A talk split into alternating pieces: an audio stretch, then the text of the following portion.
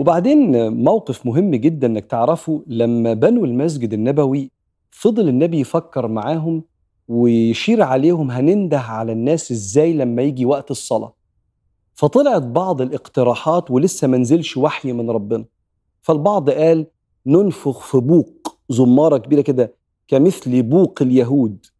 فلا سيدنا النبي لم يسترح للاقتراح ده. واحد تاني قال نضرب بجرس كده فالناس تتجمع على الصوت. فلم يوافق النبي صلى الله عليه وسلم وانصرف الناس لبيوتهم ومفيش وحي. إحنا ما نعرفش لما وقت الصلاة ننده على الناس إزاي. ونام الصحابة ويجي عبد الله بن زيد تاني يوم يقول له يا سيدنا محمد أنا نمت. فحلمت بحد بيقول الله أكبر الله أكبر الله أكبر الله أكبر. أشهد أن لا إله إلا الله أشهد أن لا إله إلا الله أشهد أن محمد رسول الله أشهد أن محمد رسول الله لآخر الأذان. فأقره النبي صلى الله عليه وآله وسلم قال له بس هو ده. وهم قاعدين جه سيدنا عمر بن الخطاب بيقول يا سيدنا النبي عليه الصلاة والسلام شفت رؤيه وقام قايل له نفس الرؤيه نفس الاذان بنفس الصيغة. وسيدنا النبي يقول كده الرؤيه الصالحة من الله فأراد ربنا أن يكون معلومة الاذان تيجي للصحابة وأقرها سيدنا محمد.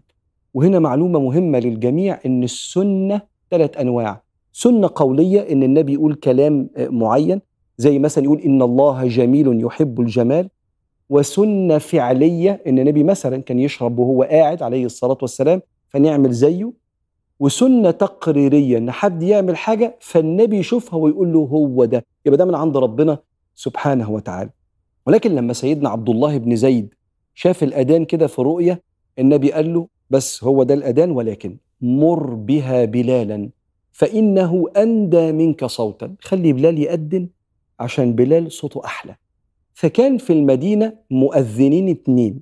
سيدنا بلال بن رباح مؤذن الرسول وسيدنا عبد الله بن أم مكتوم الكفيف اللي كان بيأذن مع سيدنا بلال وساعات كان بيأذن معاه في وقت الفجر. بلال يأذن الأذان الأول لو أنت بتروح تسمع مثلا في مكة أو المدينة أذان قبل وقت الفجر. كانوا بيفكر الناس ويصحيهم ثم يأتي أذان الفجر في وقت الفجر ووقت الصلاة اللي ساعتها ما بناكلش بقى بنمسك عن الطعام في رمضان كان بيأذنه عبد الله ابن أم مكتوم.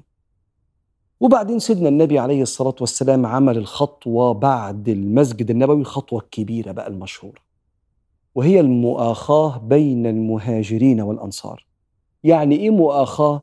يعني أنتوا الاتنين مسؤولين عن بعض تاخدوا بإيد بعض في الدنيا في علاقتكم بربنا وفي مصالح الدنيا علشان تساعدوا تبنوا بعض مع بعض. الأنصار مستقرين والمهاجرين تقريبا كلهم سابوا اللي وراهم وقدامهم في مكة وجم على فضل الكريم سبحانه وتعالى. فآخى ما بين كل مهاجر وأنصاري وأشهر قصة مؤاخاة ما بين سيدنا عبد الرحمن بن عوف المهاجري كان غني جدا لكن ساب كل حاجة وجه يبدأ من الصفر في المدينة مع سيدنا رسول الله عليه الصلاة والسلام وما بين سعد بن الربيع.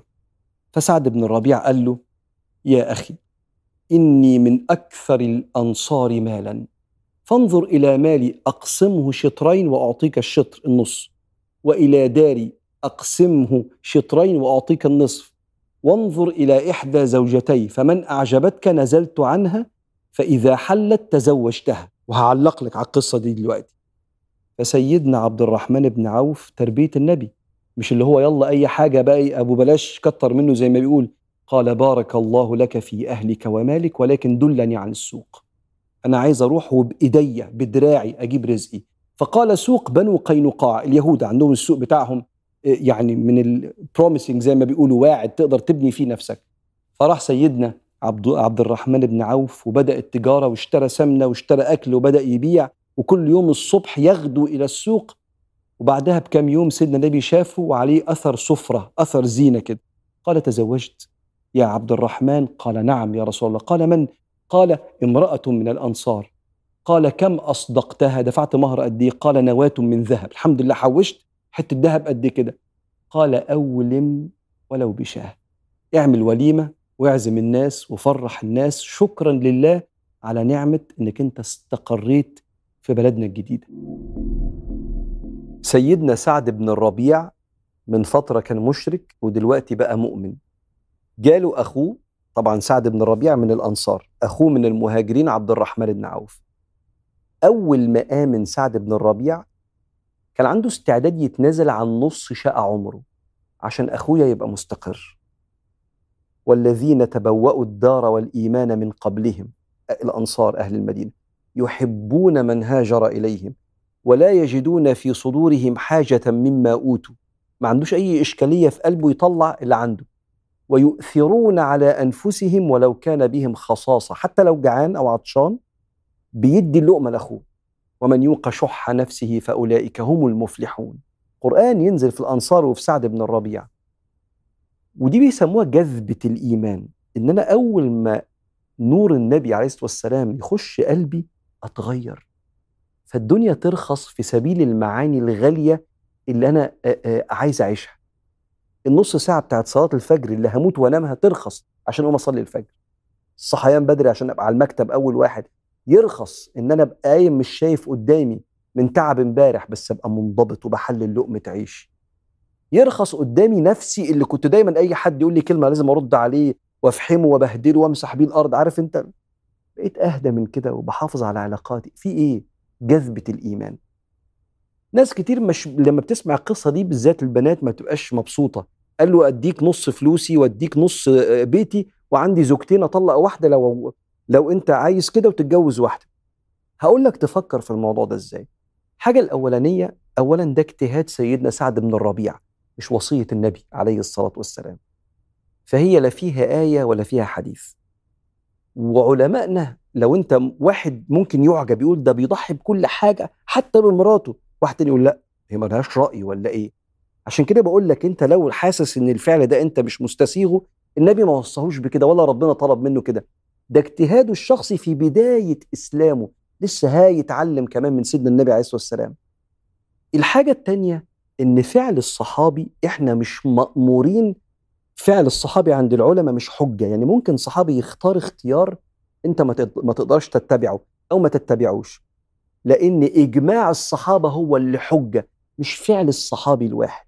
طبعا الحجة كلام سيدنا النبي عليه الصلاة والسلام وكلام ربنا طبعا في القرآن ولو الصحابة أجمعوا على حاجة بس لو صحابي اجتهد وعمل حاجة وأنت حاسس إن أنا مش فاهمها أو مش مستسيغها ما دام النبي ما أمركش بيها لو أنت مش قادر تقبلها قوي صدرك مش قادر يقبلها ما تقولش على نفسك وحش. ولا ترد النص تقول إزاي يعمل كده؟ أو تقول أكيد نص ضعيف. لأ حصل حاجة زي كده بنص صحيح. نحترم الاختيار ده ونبقى مطمئنين إن لو في حد مش قادر يقبله له حديث النبي وصى بيه ولا آية قرآنية وفي الآخر الإنسان لما بيبقى مقبل على العطاء بيعمل حاجات ممكن ما تخطرش على بال الناس من كتر التضحية والرغبة في إكرام ضيفه. الجميل بقى إن الصحابة ما تربوش على إيه؟ أبو بلاش كتر منه. يلا هات نص فلوسك وهات نص بيتك خالص. دلني على السوق. بارك الله لك في أهلك ومالك ودارك. فين السوق؟ أجيب رزقي بدراعي. متربيين كده على حب الإنجاز وإن أنا لقمتي أكلها بإيدي. آكل من فاسي وفكرتي من رأسي زي ما علمنا الشيخ الشعراوي. وراح سيدنا عبد الرحمن بن عوف بالنفسية دي للسوق وربنا وفقه. زي ما سمعت في القصة. دي كانت نفسيات الناس اللي النبي نور لهم قلوبهم وحياتهم.